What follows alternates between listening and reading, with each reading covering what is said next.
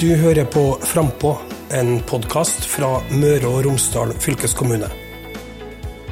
I denne episoden skal vi høre om hvor viktig frivilligheten er når det står om liv.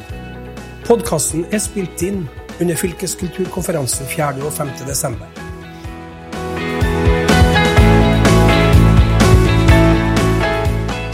Samtalen blir leda av Per Kristian Bratteng fra Møre og Romsdal fylkeskommune. Hei sann. Da har vi siden i går feira frivilligheten og Frivilligåret 2022. Og vi starta i morges med å spørre hvordan vil frivilligheten se ut i framtida? Det er et interessant spørsmål å stille når vi vet hvilken jobb som de frivillige gjør for samfunnssikkerhet og beredskap. I denne delen av programmet skal vi se på samskapinga i praksis mellom frivilligheten og det offentlige, og spørre forventer vi for mye av frivilligheten. Vi vet, alle, vi vet alle sammen at frivilligheten er en bærebjelke i det norske samfunnet. Det gjelder også innenfor samfunnssikkerhet og beredskap. Hvordan skulle det gått uten de frivillige sin innsats? Vi skal prate om roller til en del av frivilligheten, om hvor viktig frivilligheten er for beredskapen i storsamfunnet, og at ulykka med Viking Sky i mars 2019 er et eksempel på hvor godt jobben ble gjort av de frivillige, og samskapinga mellom frivilligheten og det offentlige. På scenen så har vi David André Brun, den gang daglig leder i IL Bryn. Jeg den gang, så mener jeg i 2019. Jan Arve Dyrnes, den gang varaordfører i den gang Fræna kommune. Nå heter det Hustadvika. Eh, Tord Skogedal Lindén, forskningsleder i NORSE. Assisterende fylkeskulturdirektør Kristine Reitan i Møre og Romsdal fylkeskommune. Og politistasjonssjef Per Karsten Røv ved Molde politistasjon. Og Vi skal altså til Hustadvika lørdag 23. mars 1373 personer var om bord i cruiseskipet Viking Sky da det fikk stopp på motorene pga. lavt oljetrykk. Været var veldig krevende. Mye vind og opptil 18 meter høye bølger. Skipet unngikk så vidt og grunnstøtet. Ved et mirakel og fantastisk innsats så var det altså ingen som omkom. 475 personer ble evakuert med helikopter. 466 av dem fra Viking Sky. Og hvis dere husker, så var det også et skip som heter Hageland Kaptein. Ni personer derifra ble også evakuert i helikopter. Det skjedde mye på en gang. Jeg tenkte vi skulle starte med å snakke med David André Brun. Du var daglig leder i IL Bryn. Hvordan fikk du vite om denne ulykka her? Nei, altså Jeg fikk en uh, telefon fra kommunen på at, uh, at, det var en båt som holdt på å gå på grunn ute i Hustadvika. Og jeg må ærlig innrømme at jeg trodde det var luringen på lokalradioen. For, for jeg trodde ikke at det var, det var sant, det jeg hørte. Uh, I Bryn så hadde vi, vi var to dager ledere. Han som heter Jo Petter Nelandstrøm. Vi sto faktisk inne med han da på, på sportsbutikken hans, og vi begge to var enige om at, var, at noen skulle lure oss uh, eller dra litt opp med oss. Uh, men vi skjønte fort når vi svarte det som satt i andre enden av røret, på at nei, nå tulla du, så fikk vi klar beskjed at det gjør de ikke. Så da for jeg utover fra Erdalsvågen til Brynhallen. Jeg lurte på om, jeg, om det hasta og jeg fikk beskjed at ja, det hasta. Det landa et helikopter om ca. 30 minutter, og de trenger en landingsplass på rundt 30 ganger 30 meter. Eh, og klart Det, det gjør noe med det, fordi at du er liksom ikke trent på det. Så jeg satt som daglig leder for et idrettslag. Vi på, føler at vi var gode på å spille fotball. Vi var gode på inkludering av både barne- og ungdomsfotball og litt voksenfotball. Men en cruisebåt har vi aldri trent på å ta imot i Brynhallen. Men det vi er gode på, vi er gode på egentlig det å samlokalisere og få tak i folk når vi skal ha arrangement. Eh, og det var kanskje det at når jeg var på vei fra Ernasvågen og ut til Brynhallen for å låse opp til politi, så tenker jeg hvordan skal vi greie å få, få landa dette på en best mulig måte. Og det er vi gode på. Vi er gode på å trakte kaffe. Det er vi steika gode på, som vi sa, ute i Bryn. Eh, vi er gode på å steke vafler. Og det var liksom der vi starta litt på at vi måtte ha eh, litt flere kaffetraktere hvis det kom en 1400 stykk inn. En, en kaffetrakter. Det var litt utfordring.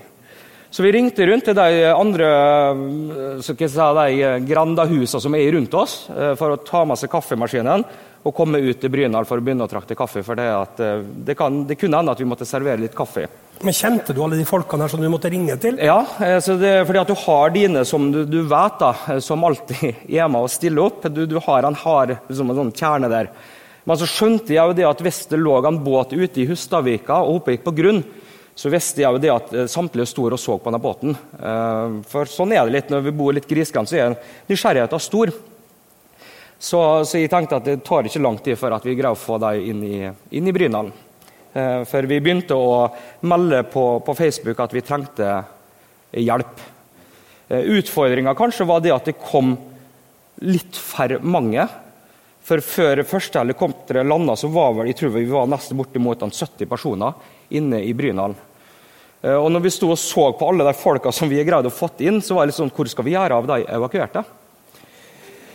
Ja, det var, men det var liksom sånn at vi, vi må gjøre et grep. Dere hadde fylt Brynhallen med ja, det var, det var mye, men det kom nå selvfølgelig det profesjonelle politi, ambulanse, brann. Altså, det var masse folk nede på, på gulvet.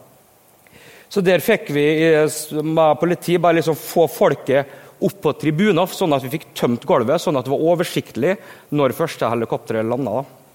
Så, men igjen, det, det er spesielt å stå i det eh, som eh, daglig leder for et idrettslag, og det å skal håndtere og være med å håndtere en sånn sak som, som Vikings skal. Men når skjønte du alvoret? Det var når jeg kom inn til Brynhallen, eh, der at politiet sto ute og venta på meg for å låse opp døra. Da skjønte jeg litt alvoret i det. Eh, vi fikk beskjed om å låse opp kontor og begynne å lage til en plass der ko skulle være. Da. Eh, så, så, da begynte det liksom, og du kjente at pulsen den gikk litt, fordi at her, du var ikke forberedt på det. Bare det som vi, vi snakka litt ute i gangen her, i forhold til det å ha eh, ark i printeren, det å ha penne, eh, altså alt av det nå, da koka det litt. Men jeg tror det at den nøkkelen på suksessen for min sin del og for idrettslaget Bryn, det var det at politiet var så fin med oss da, eh, og liksom lurte på okay, hvordan løser vi dette her i lag. Eh, og hva tenker dere Bryn på hvordan vi skal få til dette? her? Og klart Da sette i gang noe med oss som, eh, som et idrettslag da, på at vi er gode på det å åpne opp halen. Vi vet hva, hva som at TV Strømmen for eksempel, går, og at vi hadde kontroll på det. Og bevertning både til til de som skulle evakueres, men ikke minst de som skulle drive en jobb der. Direktoratet for samfunnssikkerhet og beredskap har laga en rapport i etterkant av det her, og der står det sitat dette kan være et eksempel til etterfølgelse for andre politidistrikt og kommuner ved kommende hendelser. og Vi snakker altså om etableringa av mottakssenteret. Så det ble eh, nasjonal ros til den måten eh, de frivillige jobba på i Gjelvik. Jeg syns det er en applaus.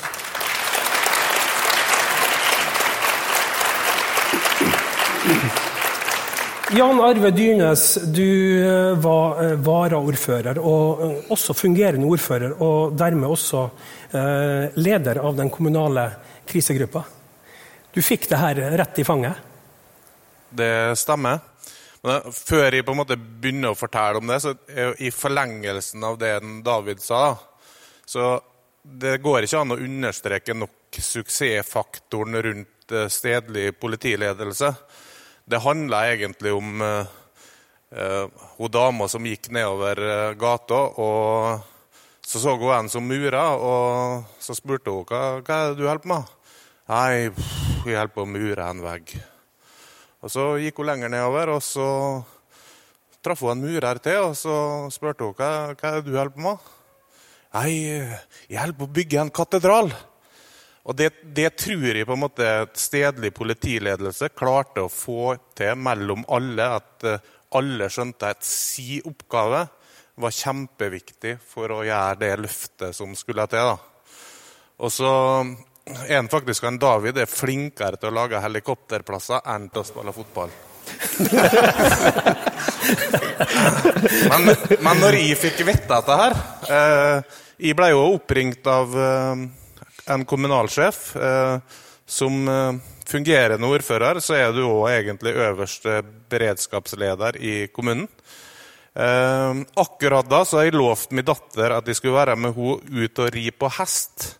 Av alle rare ting. Å ri på hest er ikke veldig viktig for meg, men det var veldig veldig viktig for henne. Eh, og skuffelsen i hennes sine øyne da, når jeg måtte si at vet du hva, det har skjedd noe. Men det setter her litt i perspektiv hva som er viktig. For hun var det Endelig skulle pappa være med, og hun måtte ha med seg en voksen for å få lov. Eh, så hun ble veldig, veldig skuffa. Eh, så det var på en måte mm, min inngang til det, og at de fikk på meg klærne og kjørte inn på eh, kommunehuset, og vi satte kriseberedskap. Men skjønte du alvoret? Jeg skjønte alvoret. Heldigvis, eller heldigvis, far min er fisker. Eh, så jeg er både vant med vær og hav og bekymringer for folk som er på havet. Eh, og når jeg så hva båten var han, så er jeg også såpass lokalkjent og skjønte at uh, det her kunne være veldig, veldig dramatisk. Og Bare for å sette det i kontekst, så skjønte du òg veldig fort at her var eldre mennesker. Det blåste som bare det. Så det er klart at du gjorde noen tanker på vei innover til kommunehuset da. Hva går rundt i hodet på deg? Hva, eh, altså, du gjør deg noen tanker, men hva tenker du da? Hva, eh, ser du for deg at det her, eh, her går det liv? Jeg skal ikke overdrive på en måte sin egen rolle i det. Kommunens rolle i det er jo for så vidt ganske liten. Man prøvde virkelig å ha fokus på det kommunen kan gjøre noe med. Det vi har et ansvar for, og det vi kan hjelpe til med å koordinere. Bl.a. få tak i personell, få tak i David, få tak i alle. Det at vi er et såpass lite lokalsamfunn, er kanskje en suksessfaktor for at det går an. For her, her er det ikke bare den profesjonelle frivilligheten som deltok for å på en måte få det til. Her var det egentlig lokalsamfunnet som på en måte stilte opp. Og Det står ikke i noen beredskapsplan at du de trenger mat, de trenger kaffe, de trenger alle sånne ting. Men det er jo idrettslagene veldig veldig gode på å organisere. Men politiet skjønte jo fort at det her kom til å vare lenge. Eh, så den biten i det var jo kjempeviktig for at eh, det skulle kunne gå bra. Selv om det framstår som en veldig liten del i å bygge den katedralen, så er det en veldig veldig viktig byggekloss. Per Karsten Røv, politistasjonssjef. Du var der ute. Eller du mm, dro ut? Ja, jeg var ute der, men jeg var ikke ute der som operativ. Jeg var ute der for å støtte egne mannskap. Eh, for det var helt andre med annen kompetanse som var ute der og jobba. Men jeg var ute der, ja. Men, men eh, hvordan ble du kobla på redningsaksjonen, og hvordan fikk du vite om det her? Vi fikk eh, melding fra han som er innsatsleder for oss da han var på vei utover, at det var et cruiseskip i, i havsnød. Uh, og det, det, det, skjer ikke så ofte at vi får det, men, men av og til så får vi meldinger om, om eh, båter med problem. Uh, så jeg regner med at det gikk over den gangen her òg, at det ordna seg underveis. Uh, så først når jeg fikk se helikopterbilder på TV, da skjønte jeg hvor nærme land det var, og hvor stort det egentlig var. Men hvordan jobber politiet sammen med de, de, frivillige mannskapene? Kan du prøve å eh, gi et lite bilde, så vi skjønner samarbeidet her? Ja, altså vi, eh, politiet har eh, sin måte å jobbe på operativt, uavhengig av størrelse, egentlig. Prinsippene vi jobber etter, er de samme, og så blir de utvida i, i, forhold til omfanget på mulige katastrofer.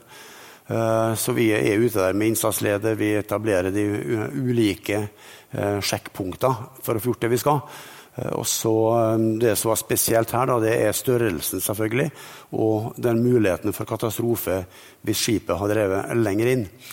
Eh, så det at Brynhallen det lå ikke inne i noe det lå ikke inne i vårt planverk. Det lå sikkert ikke inne i kommunens planverk heller. Så det ble improvisert underveis etter en vurdering om vi skulle ha det på Storholmen eller om vi skulle ha det på Brynhallen. Og åpenbart at Brynhallen var det rette pga. størrelse. Er det å koble på frivillige en del av prosedyrene, en del av rutinene eh, ved ulykker og hendelser? Ja, altså frivilligheten har eh, gjort seg sjøl uunnværlig i forhold til mye politiinnsats. Uh, som jeg nevnte ute her, jeg har et relativt langt liv i politiet. Og fra de første åra så var frivilligheten frivillige. frivillige som kom og, og, og bisto hvis de skjønte at det var et behov i, i, i byen eller i bygdesamfunnet. Eh, så har det utvikla seg til å bli profesjonalisert, slik at når vi kontakter frivillige med Folkehjelpa, Røde Kors og andre i dag, så er det et, er det et profesjonelt apparat som, som, møter opp. Og dere er helt avhengige av dem? Så Vi er avhengige i den forstand at eh, politiet klarer å gjøre sine oppgaver.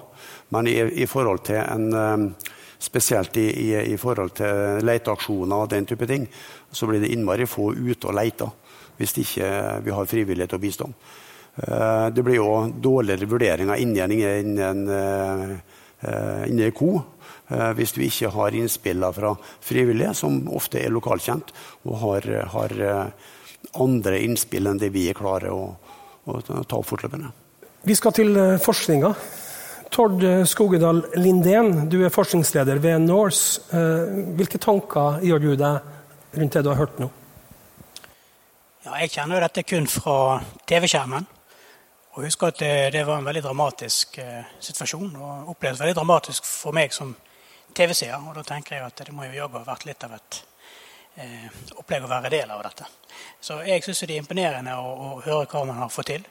Eh, og jeg tenker at eh, ekstra interessant og ekstra imponerende er det jo òg at den organisasjonen som David André representerer, er jo i utgangspunktet ikke en beredskapsinstitusjon eller beredskapsorganisasjon. Det er et idrettslag. Eh, og eh, her blir man da kastet inn i en stor redningsaksjon hvor det er, ting går fort, eh, og hvor potensialet for at det kan bli en alvorlig ulykke, er veldig stort. Så det er imponerende å høre på hva man har fått til.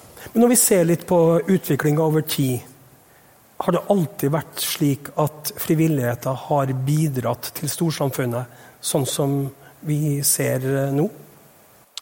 Ja, Det vil jeg si ja til. Det spørs hvor langt tilbake i tid man går, selvfølgelig. Men eh, i Norge har frivillig sektor vært veldig viktig i å f.eks. utvikle mange av de velferdstjenestene som vi tar helt for gitt i dag.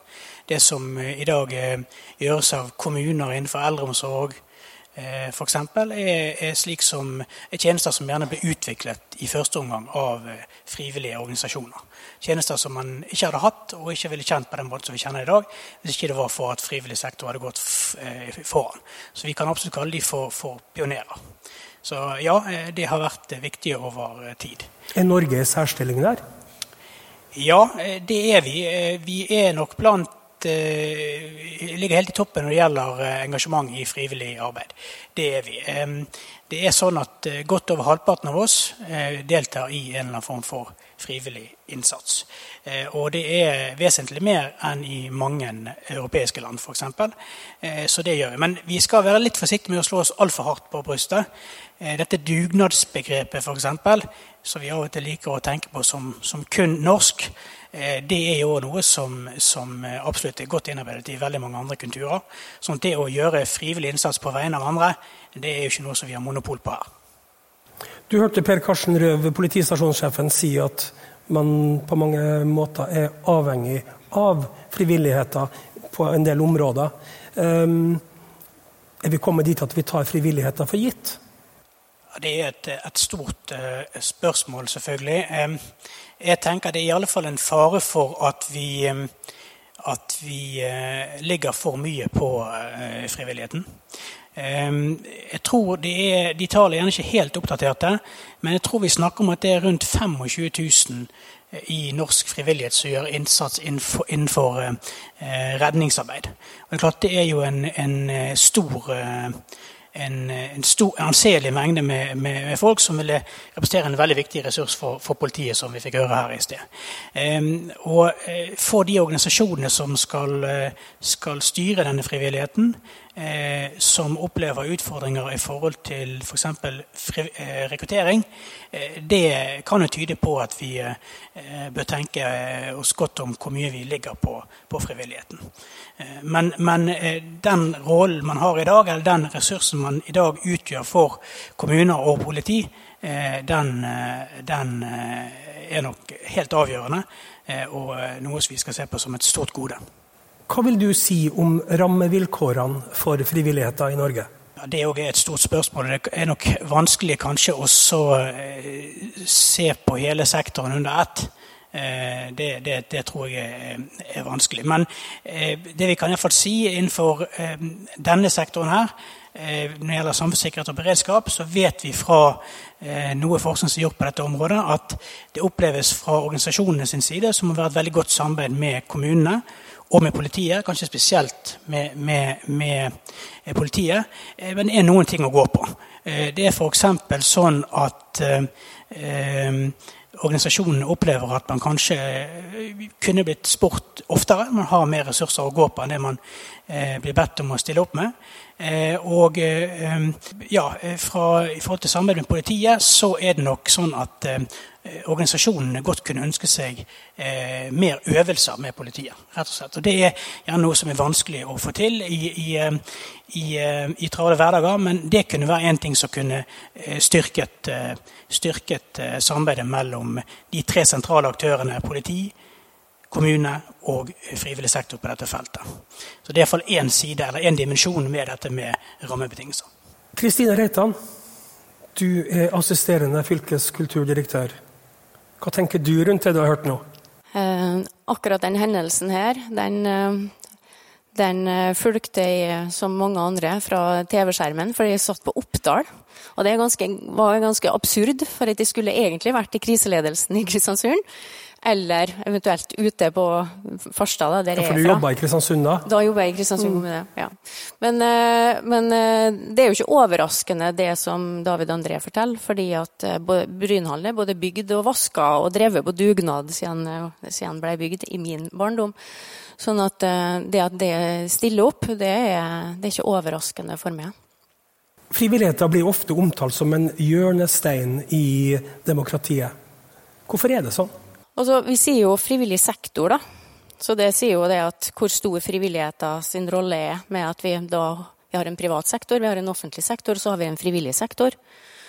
Uh, og jeg kan jo egentlig dra tilbake igjen til flere av innlagene som har vært i dag, med det med at hvordan uh, frivilligheten er en, en, en, skole i demokrati, fordi at du, du er den der arenaen for samfunnsdeltakelse der du eh, får identitet, tilhørighet, fellesskap. Og der du lærer det organisasjonslivet. Det er flertallsavgjørelser, det er valg, det er vedtekter. At du lærer deg det. Og så er du jo òg den som tilbyr et eller annet. Altså I, i Elbryn sitt tilfelle så er det jo idrett for, eh, for eh, barn og unge og voksne. Eh, men kan også være ganske innovativ der. Det er også en viktig, eh, viktig rolle i det å være, utvikle et samfunn. Og den siste det er jo den kanalen for å påvirke prosesser. Eh, det å få ei stemme inn i demokratiet. Og det er mange som har stemmer inn i demokratiet, men frivilligheten er viktig fordi at de kanskje har en annerledes stemme. Så når det blir nevnt her med å løse ting i lag, så er det jo fordi at vi helst skulle ha gjort det her eh, mer sammen. At ikke det blir at frivilligheten gjør det her, det offentlige det gjør det her, men at vi løser en del flere ting i lag. Og det oppdager vi at vi greier når, vi, når eh, sånne kriser skjer. da. Men vet det offentlige å sette nok pris på frivilligheten? Og nå kan det jo hende at du må piske deg sjøl litt, fordi at du sitter i en sånn rolle? Nei, nok pris er ikke sikkert vi greier, nei. Eh, men så er det jo det at, at frivillighet har et eh, altså det er, jo, det er, jo, faktisk en veldig god gevinst i det å være en frivillig òg. Hvis ikke tror jeg ikke så veldig mange av oss hadde, hadde gjort det. Eh, sånn at for den enkelte, så det å kunne få lov å, å, bidra, det å oppleve at du kan gjøre noe for andre, og av noe som du faktisk brenner for. Du opplever mestring, du opplever læring. Det er jo en verdi for den enkelte. Eh, og så er det jo en integreringsarena, det er en mestringsarena, det er en demokratiarena, som vi har vært inne på. Så, men å anerkjenne eh, frivilligheten, og anerkjenne at de også skal være et korrektiv til offentlige og, og til privat sektor, det er jo litt viktig. At vi ikke skal bare vi skal ikke bare gi frivilligheten oppgaver, og de skal, ikke, de skal løse sitt, men anerkjenne at de skal komme med en alternativ stemme. Hvilke andre verdier som frivilligheten tilfører samfunnet vårt, vil du spesielt løfte fram? folkehelse for, eh, for både den som yter frivillighet, og den som mottar det. Så har jeg vært inne på det med at det er en viktig integreringsarena.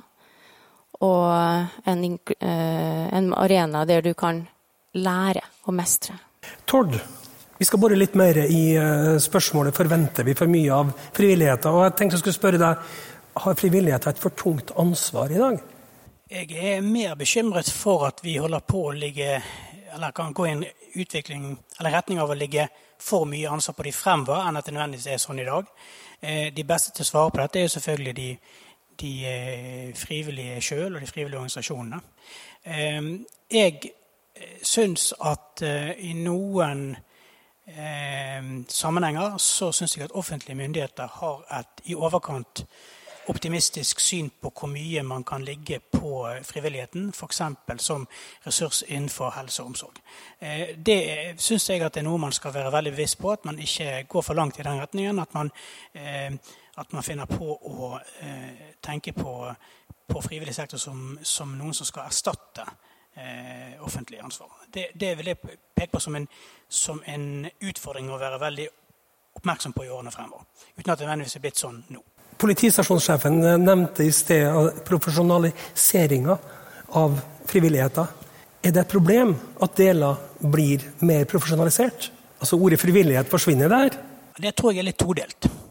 Altså På en måte så kan man jo eh, tenke seg at det skaper problemer for organisasjonene som, eh, som eh, får i ansvar å på en måte utvikle så høy kompetanse og være så godt trent at man er for profesjonelle å regne, mens det man disponerer, er personer som er eh, frivillige, og som må gjøre dette på siden av, av, jobben sin. Og jeg tenker at I så måte så er dette med samfunnssikkerhet og beredskap, redningsaksjon osv. et spesielt felt i norsk, eh, norsk frivillighet. Fordi at det som eh, som mange av oss andre gjør, eh, vi som f.eks. er fotballtrenere og eh, håndballtrenere osv. Hvis ikke det i det tilfellet til David André når man plutselig får en sånn situasjon rett opp i fanget. Så de fleste av oss vi opplever jo ikke den typen utfordringer. Sant? Og da er det sånn at den jeg vil jo ikke si at, jeg liker jo å tro at vi som driver med håndball og fotball så videre, har en viss kompetanse, men det er nå tross alt sånn at mye av det vi gjør, det gjør vi kanskje innenfor et, eh, en bane med en hvit strek rundt der vi skal eh, lede en aktivitet. Det er lys eh, på banen når det er vinter, det brøytes for oss på banen osv. Mens det vi snakker om innenfor eh, eh søk og redning osv., er jo frivillig arbeid som, som, foregår i en helt annen sammenheng. Hvor man gjerne er langt utenfor allfarvei, hvor man er i dårlig vær eh, hvor man må håndtere mye utstyr. Så, så det er på en side en, en, utfordring, det å på en måte rekruttere folk til dette. altså Folk som må være villige til å legge ned mye arbeid i å tilegne seg den rette kompetansen og å trene på det. På en annen side, og det kan kanskje David André bli spurt om etterpå, men det kan jo òg hende at det å si, bli satt til å gjøre dette kan være veldig attraktivt for noen. Og det at Man utvikler kanskje en kompetanse der innenfor frivilligheten som man også kanskje kan ta med seg inn i arbeidslivet, f.eks. Så det er nok litt todelt. Men jeg tror i alle fall at dette feltet her, det er spesielt på den måten at det krever mer trening.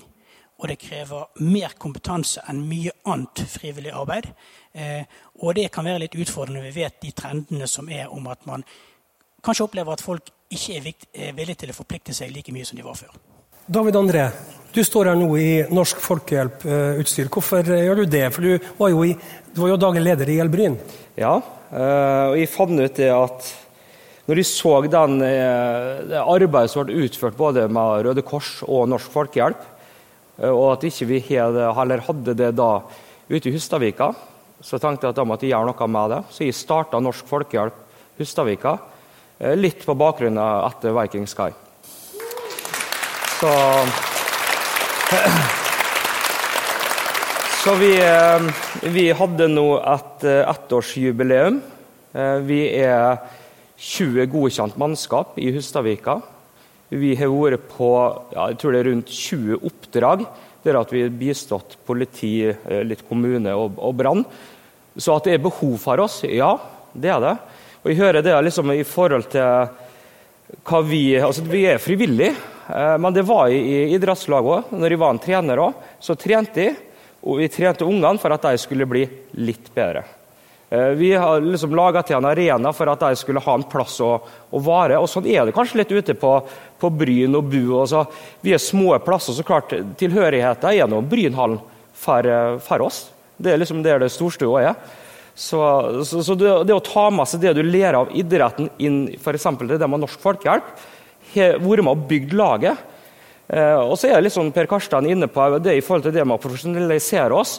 Eh, og det må vi i forhold til den jobben jeg gjør nå, når jeg skal bistå politiet med å søke etter en person som har vært savna eh, over lengre tid, i forhold til når vi er eventuelt hatt funnet av den vedkommende, for at vi kunne da være med å berge liv. Så, så, så, det må vi for å kunne bistå. Bistå så, ja. Men for å spørre deg som står med begge føttene oppe i frivilligheten. Ja. Forventer samfunnet for mye av frivilligheten? Jeg tror ikke det. Jeg tror det at vi frivillige som holder på med frivillig arbeid, syns det er så givende å bidra eh, og bistå. Eh, så, men klart det vi som, eh, som, står med det frivillige, det er kanskje det vi syns er litt tøft nå for vår del, som er et nyoppstarta lag, er i forhold til det utstyret vi trenger for å kunne drive f.eks. et godt søk. da, i forhold til det med utstyr. Og Der må vi gå på næringslivet, lokalt næringsliv for å få støtte for at vi skulle da, ja, drive, drive søk. Eh, og Det ser kanskje vært litt av en utfordring i forhold til et idrettslag som spør om sponsorpenger, kontra da Norsk Folkehjelp som kommer. Eh, så tror jeg det er faktisk lettere for et idrettslag å få eh, sponsorpenger enn oss som, som holder på med det vi holder på med. Ja, for Det var mitt neste spørsmål. Det var rammebetingelsene. Ja. Hvordan er de for dere? da? Nei, altså Vi, eh, vi er liksom ute på frieri. da. Klart klart at vi, Når vi er med et oppdrag og vi får eh, bestilt en tjeneste fra politiet, så, så er det HRS som vi sender inn. Så vi får nå dekket utgifter i forhold til det med, med kjøregodtgjørelse, og vi får litt kroner som går da inn til, inn til laget. da. Så jeg har sånn sentralt av Norsk Folkehjelp vært veldig god på å å gi litt sånne startpakker til, til de lokallagene, sånn at vi får komme oss eh, litt i gang. Men vi har vært, vi må si, vi har vært heldige der at bankene har vært litt med oss, og vi har fått litt eh, eh sponsorpenger eh, til laget. Så vi fikk kjøpt oss en beredskapsbil eh, som vi da må, må bruke ute i, ut i feltene. Kristine Reitan, stiller vi for høye krav til frivilligheten, eller? Ja, for du har sagt litt om det der til, til meg når, vi har snakka sammen. Mm. Skal jeg si det her, da? Ja, jeg vil gjerne at du skal si det ut her. eh, nei, altså um, I går så hadde vi en fin dag i går òg, og han Roar Lervik eh, fra, idretts, eh, fra, idretten pekte på at det var veldig store krav til frivilligheten. Med stort ansvar. Du skal ikke bare ja, trene, men du skal inkludere flyktninger. Du skal håndtere det med sosiale ulikheter osv. Og, så og store rapporteringskrav. Uh, og jeg tenker at Vi må kanskje heller se på at vi ikke trenger å stille like høye krav til alt. Men høye krav, da får vi også noe å strekke oss etter. Så Marco El Safadi har vært inne på det tidligere i dag. Altså Når du greier å sette kravene der, der, du når dem, så er jo det også en mestring og læringsarena. Og så er det jo sånn at hvis vi skal løse det store samfunnsoppdraget sammen, så, også, så, blir det også noen krav. Eh, så jeg tror ikke vi skal være redd for å, for å stille for høye krav på noe. Men hvilke krav, vi, hvilke krav skal vi stille? Og da er det jo sånn at det offentlige må være dyktigere på å gi den kompetansen, da, sånn at en føler seg trygg i den inkluderingsarenaen. At en føler seg tryggere i, i det å også håndtere sosiale ulikheter. Og så er det jo også annen tilrettelegging med, med økonomi, bl.a. Ja, for Per Karsten Røv, du er avhengig av flinke folk når det smeller? Ja, vi er avhengig av flinke folk. Og bildet ved en vanlig leteaksjon for å ta det, da, det er at vi har ei patrulje vi som reiser dit. Og da er vi to. Stort sett. Vi har to da vi kom til, til Brunhall nå, utgangspunktet, inntil vi fikk bemanna opp. Uh, og det sier seg sjøl at med to så klarer vi ikke å iverksette noe søk. Da har vi mer enn nok eh, med å planlegge søket og, og det å, å, kunne drive etterretning for å finne ut uh, andre omstendigheter. Så i forhold til spesielt en søksfase, så er vi avhengig av mer folk, ja. Hva hvis eh, frivillige ikke stiller opp like mye som i dag? Altså, eh, vi har vært litt innom rekruttering også her. Eh, hva da? Vi kan ta det med, med Norsk Folkehjelp Hustadvika først. da. David spurte meg om jeg tror at det er ja, han, han, hadde lurt på å starte opp Norsk Folkehjelp. og er det noe, Hva tanker jeg hadde om det? Jeg var sikkert den eneste som var negativ. og Årsaken går ikke på at jeg ikke trodde skulle klare det, eller at det kom til å bli et godt lag, men jeg vet sånn noenlunde hvor mye arbeid dette er, og hvor mye forventninger som plutselig blir stilt til, et, til, et, til Norsk Folkehjelp eller andre frivillige organisasjoner. Så det var skepsisen, og det er åpenbart der her i bomma. Beklager, David. Ja. Så jeg glemte spørsmålet. Eh, jeg spurte deg vel om hva Ja, hva var spørsmålet, da? Det var rekruttering, ja. Rekruttering, altså Dersom det skulle vise seg nå at vi ikke klarer å fylle opp med så mange som vi gjerne skulle ha, og at antallet frivillige går ned, hva da? Nei, Da kan vi vise, vise til en leitasjon igjen, så er på en måte det, det beste bildet. Eh, våre to som starter opp, må da vente til vi får inn mer folk for å jobbe altså, til å foreta selve leteaksjonen eller søksfasen. Alternativet er da Sivilforsvar og Heimevern, som har et, helt, et litt lengre perspektiv på, på, på varsling og, og oppmøte. Så mm, redningstjenesten vil bli betydelig skadelidende, eh, er vel hovedbudskapet mitt, hvis, det, hvis vi mister rekruttering innenfor de frivillige. Vi skal vel kanskje være glad for at det ikke skjer så ofte, det som vi nå eh, eller som, opp, som skjedde i 2019, eh, Jan Arve Dyrnes. Eh, du fikk det her rett i fanget. Hvilke tanker gjør du deg til å ha hørt det her?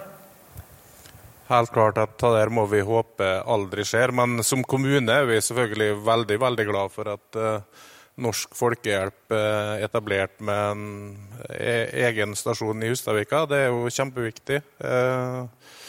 Eh, jeg syns egentlig det var uh, han Tord hadde noen eh, interessante ting sånn, i forhold til hvordan en del av velferdstjenestene våre var organisert før, og hvordan det har på en måte utvikla seg. Samtidig så vet vi at befolkningssammensetninga vår skal også, skal også endre seg ganske mye. Eh, og i et frivillighetsperspektiv også er jo det eh, interessant å diskutere i forhold til hvordan eh, vi skal sikre rekruttering, hvordan vi skal klare å samhandle godt nok for at man til sammen skal yte god hjelp når det virkelig trengs, i et beredskapsperspektiv. Og da er det verdt å notere seg det med at den samhandlinga mellom de profesjonelle og de frivillige er kanskje en avgjørende faktor. Hvordan, eh, Kristine, hvordan skal vi sørge for eh, en bedre rekruttering til frivilligheten? Og hva kan fylkeskommunen, som du representerer, bidra med i så måte? Vi eh, bidrar nå i hvert fall med å gjøre Uh, og så få kompetanse på bordet, sant? slik at vi vet mer om hvor er det det trykker hen. Uh, det har vært mye spennende på, på, det i dag. Vi har jo et potensial i det at vi har faktisk litt, litt for lite mangfold da, i frivilligheten. Uh, altså at vi har det var 17% av innvandrere som har utført frivillig arbeid siste år mot, mot over 50% av, eller over 60% totalt. Og så ser vi jo at det, er, at det er den ressurssterkes arena. Og når vi vet hvor viktig frivilligheten er, og det å jobbe frivillig er for å bli inkludert og, og, og komme inn i samfunnet, så er det faktisk en stor utfordring til dere å gå prøve å rekruttere også de gruppene der som har veldig godt av å være inn i, inn i frivilligheten. Og det er, det er ikke noe enkelt svar på hvordan, men, eh, men, i hvert fall at det er en viktig utfordring. Og, og, vi skal støtte med det vi kan, i hvert fall, på det. Vi lar det bli siste ord i den samtalen her. Takk til paneldeltakerne.